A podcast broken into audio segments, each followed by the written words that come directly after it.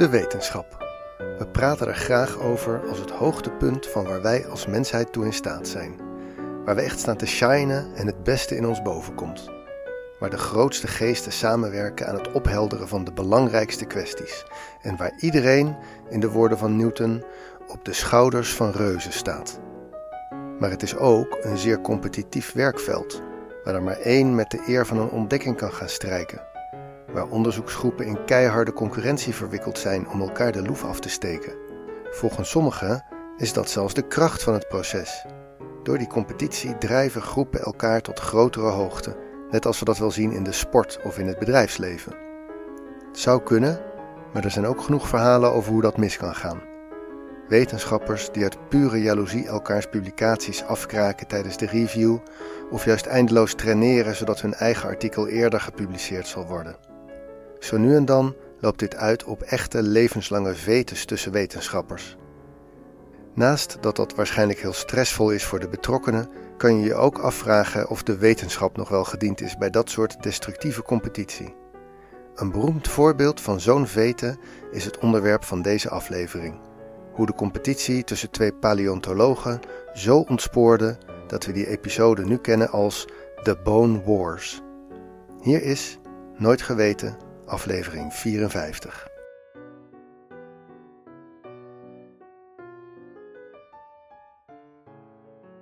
Dit is een verhaal over wetenschap, maar vooral ook het verhaal van twee mannen die van vrienden concurrenten werden en vervolgens hun relatie steeds verder lieten ontsporen tot het hun levens bepaalde. En verpesten. En ook tot hun ruzie eigenlijk het enige is waar we deze twee wetenschappers nog van kennen terwijl ze allebei best belangrijke ontdekkingen deden. Er zijn meerdere boeken volgeschreven over de ruzie en hoe het zover kon komen, en iedereen is het er wel over eens dat de wortel van het probleem lag in de heel verschillende achtergrond van beide heren. Laten we eerst eens kennis maken met beide op het moment van hun eerste ontmoeting. Die ontmoeting gebeurde in Berlijn in 1864. Onze hoofdpersonen waren allebei Amerikanen en heten Edward Cope en Charles Marsh. Koop en Marsh dus. Koop was op dat moment 24. Hij kwam uit een rijke familie. Hij groeide op op een landgoed vlak buiten Philadelphia. Rond het landhuis was een exotische landschapstuin aangelegd, waar de jonge Edward graag op ontdekking ging. De Koops deden hun best om hun kinderen een goede opvoeding mee te geven. Ze namen de kinderen veel mee naar musea, dierentuinen en botanische tuinen. Edward had al vroeg een duidelijke interesse in dieren.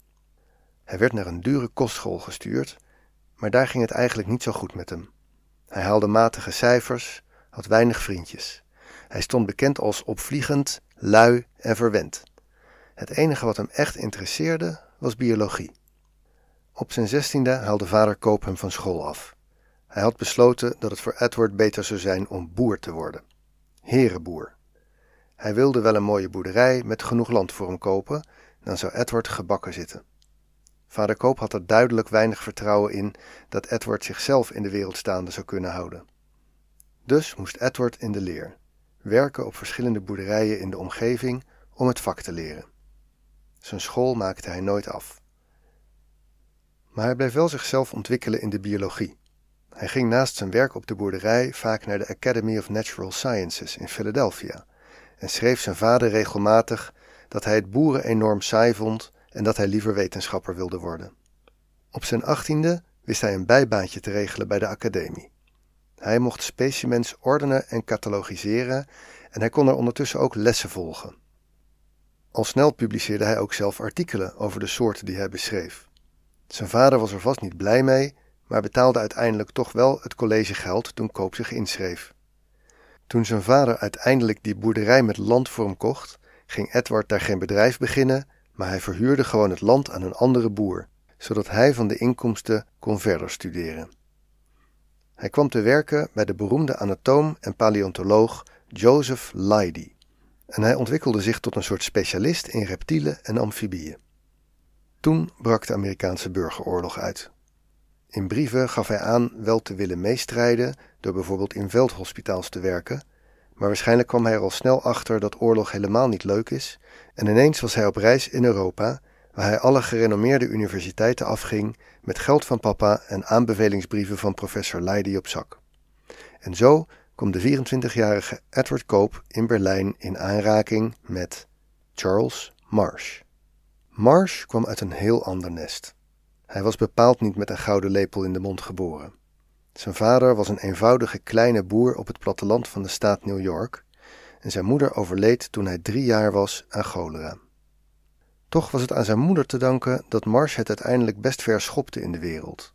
Zijn moeder, Mary Peabody, was namelijk de jongste zus van George Peabody en deze Peabody was een echt American Dream verhaal. Eerst maakte hij carrière in de handel, maar uiteindelijk verhuisde hij naar Londen en werd een belangrijke financier. Hij richtte met ene Junius Spencer Morgan de zakenbank Peabody Co. op, die na zijn dood verder zou gaan eerst als JP Morgan en nog later JP Morgan Chase. George Peabody werd dus schat hemeltje rijk en staat tegenwoordig bekend als de vader van de moderne filantropie. Hij gaf namelijk aan het eind van zijn leven bijna alles wat hij bezat weg aan goede doelen en publieke instellingen.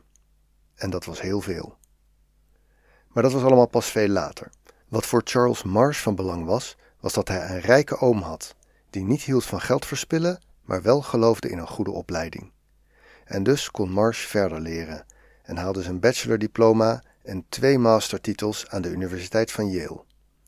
Vervolgens ging hij naar Berlijn om daar paleontologie te gaan studeren.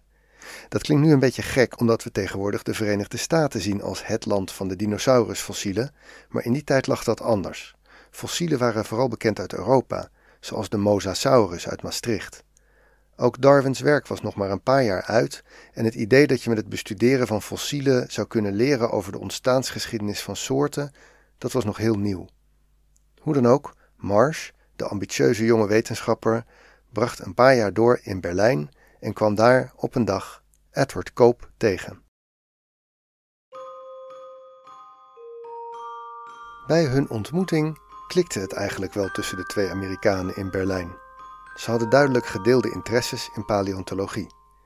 Mars zat er al wat langer en bood aan zijn jongere landgenoot een paar dagen rond te leiden in Berlijn. Na die paar dagen hielden ze contact en stuurden elkaar brieven, maar ook schetsen en foto's van opgegraven specimens. Ze vernoemden zelfs een paar soorten die ze ontdekten naar elkaar. Maar op basis van hun zeer verschillende karakters en achtergronden kon je misschien al aanzien komen dat het niet goed kon blijven gaan tussen deze twee. Marsh, die met wat steun van zijn oom, maar toch ook vooral door hard werk en het binnenhalen van beurzen, inmiddels twee mastertitels op zak had, keek waarschijnlijk wat meewarig naar het losbolachtige type dat Koop was. Na zijn zestiende geen enkele formele opleiding meer, een beetje rondreizen met het geld van papi. Omgekeerd had Koop via zijn werk voor de academie al 37 gepubliceerde artikelen op zijn naam staan, Mars nog maar twee. En hij wist veel en veel meer over de anatomie van reptielen. Hij keek waarschijnlijk ook een beetje neer op Mars, die met zijn eenvoudige komaf moest werken voor zijn geld. Ook was Koop een nogal opvliegend karakter, die om de haverklap in ruzies terecht kwam, terwijl Mars eerder wat introvert en afwachtend was, maar ook erg wantrouwend. In de paar jaar daarna werden beide heren professor. Marsh kreeg na zijn jaren in Berlijn een leerstoel aangeboden op Yale als professor in de paleontologie. Bovendien wist hij zijn rijke oom George over te halen om een museum te stichten, het Peabody Museum of Natural History. En Charles Marsh werd daarvan natuurlijk de eerste directeur. Maar ook de opvliegende autodidact Koop werd professor. Zijn vader gaf het idee dat hij herenboer kon worden op en regelde via donaties en connecties een leerstoel in de zoologie voor Edward bij Haverford College. Dus binnen een paar jaar zaten beiden op een comfortabele plek waar ze zich helemaal konden richten op het opgraven van fossielen en ontdekken van nieuwe uitgestorven soorten. En dat deden ze. Koop deed het het liefst zelf en was maar zelden op de universiteit en altijd ergens aan het graven. Marsh nam zijn baan uiteraard wat serieuzer en besteedde het graven uit door een legertje fossielenzoekers aan te trekken en hun vondsten naar hem op te laten sturen.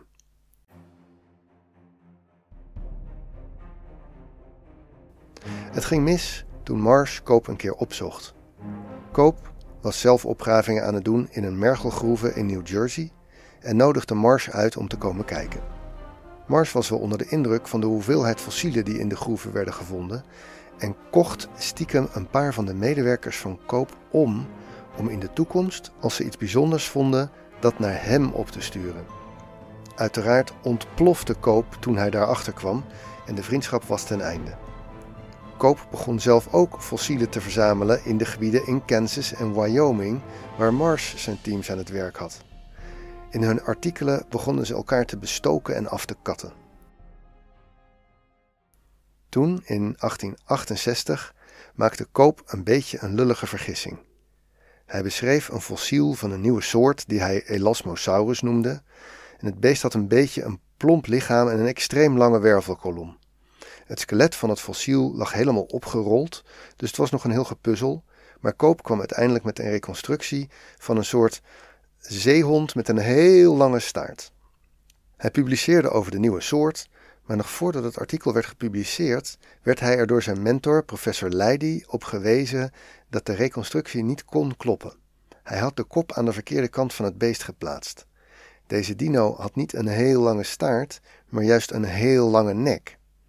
Een gênante vergissing, en Koop liet snel een gecorrigeerde versie van het artikel en de bijbehorende afbeeldingen maken. Ook probeerde hij alle proefdrukken op te sporen en te vernietigen, maar het was al te laat. Marsh had één van de proefdrukken in handen gekregen en hij zou in de jaren erna keer op keer niet nalaten om in publicaties fijntjes te wijzen op de ongelukkige vergissing van Koop.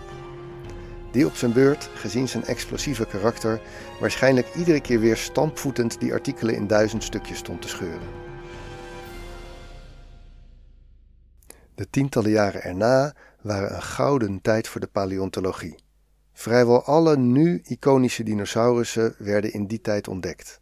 Van de enorme Brontosaurus tot de Triceratops, tot de Stegosaurus, tot de Tyrannosaurus, allemaal werden ze in die jaren voor het eerst opgegraven in de Verenigde Staten. En bij bijna allemaal was of Koop of Mars betrokken. En dat alles in een sfeer waarbij iedereen elkaars personeel omkocht, expedities saboteerde en elkaar zoveel mogelijk in diskrediet probeerde te brengen. Ze lieten medewerkers stiekem aanmonsteren bij de expeditie van de ander om vondsten expres niet te vinden of zelfs te vernietigen. En iedere zomer werden expedities naar het verre westen gestuurd, voor een deel op eigen kosten. Het was een voortdurende wedloop van het vinden van botten, zo snel mogelijk per telegraaf de details doorsturen om de nieuwe soort zo snel mogelijk een naam te kunnen geven en te kunnen publiceren. En iedere winter zaten de heren hun gegevens uit te werken tot grotere artikelen en elkaars werk uit te kammen op fouten die natuurlijk gemaakt werden bij zulk haastwerk. Ze schreven ingezonde stukken in de kranten waarin ze elkaar beschuldigden van plagiaat, mismanagement en verkwisting van publieke gelden. Aan het eind van het verhaal waren beide financieel geruïneerd. Marsh had een flinke erfenis van oom George en een heleboel geld van het museum opgebrand en moest op zijn oude dag zijn huis op de campus belenen voor geld om van te leven. Van het vele geld van de familie Koop was ook weinig meer over. En toen Koop ziek werd, moest hij zijn fossiele collectie grotendeels verkopen om de rekeningen te betalen. Koop overleed als eerste, in 1897. Bij testament opende hij nog één laatste conflict. Hij liet zijn lichaam na aan de wetenschap met het verzoek de inhoud van zijn schedel te meten en publiceren. En hij daagde Marsh uit hetzelfde te doen. Dan zouden ze nog wel eens zien wie er de grootste hersenen had. Marsh ging de uitdaging niet aan en overleed drie jaar later. Wie was nou de winnaar van de Bone Wars? Je zou kunnen zeggen toch Charles Marsh. Hij had zeker tegen het einde meer geld en een grote organisatie achter zich en pakte het groter aan. Koop bleef toch een beetje een hobbyist. Marsh wist uiteindelijk meer dinosaurussen en prehistorische zoogdieren te ontdekken dan Koop, 80 tegen 56. Dat kwam ook doordat Koop wat breder geïnteresseerd was dan dino's. Hij ontdekte in totaal meer dan duizend verschillende soorten reptielen en vissen, uitgestorven en levend. Maar beide gingen er uiteindelijk aan onderdoor en gezien hun best grote bijdrage aan de paleontologie is het voor beide eigenlijk wel tragisch dat hun namen niet worden geassocieerd met hun belangrijkste ontdekkingen, maar vooral met hun slapstickachtige rivaliteit. Is de wetenschap dan de winnaar? Uiteindelijk stuurden ze in hun concurrentie elkaar wel op tot een enorme dadendrang. Toen ze begonnen was er nog helemaal geen paleontologie in de VS. Aan het eind van hun leven waren er niet alleen al die ontdekte soorten, maar dinosaurussen waren ook gaan leven voor het grote publiek. Ze groeven de allereerste volledige skeletten op, reusachtige voorwereldlijke dieren. En die skeletten waren voor het publiek te zien in grote musea. Er werden populaire boeken en tijdschriften over uitgegeven. Dat was er daarvoor allemaal niet. Maar ze hebben met hun strijd ook heel veel verpest. Hun expedities bliezen na hun eigen werk vaak met dynamiet de hele vindplaats aan stukken, uit angst dat de tegenstander er ook nog iets zou vinden. Moet je je voorstellen wat er daarbij allemaal kapot gemaakt kan zijn? Het werk publiceerden ze met zoveel haast dat er heel veel fouten werden gemaakt. Elk gevonden skelet werd uitgeroepen tot een nieuwe soort. Ook werden andere onderzoekers door de ruwe omgangsvormen uit het vakgebied gedreven en werd de Amerikaanse paleontologie vanuit Europa nog tientallen jaren een beetje meewarig bekeken. Stelletje cowboys. De waarheid zal in het midden liggen. Het meest jammere is misschien wel dat ze ook hadden kunnen samenwerken. Het waren eigenlijk vrij complementaire types. Iemand die graag organiseerde en plande en iemand die graag zelf in de groeven stond en toezicht hield op de expeditie. Iemand die supergoed was in de anatomie van reptielen en iemand die goed de weg wist in de academische wereld en toegang had tot financiers. Ze hadden misschien samen nog wel meer kunnen ontdekken. En door ieder voor eigen roem te gaan, hebben ze uiteindelijk bereikt dat ze allebei nog steeds altijd in één adem worden genoemd: Koop en Marsh.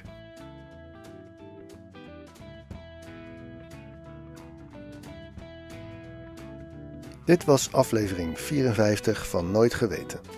De oplossing van de fotopuzzel was de pagina Fossiel.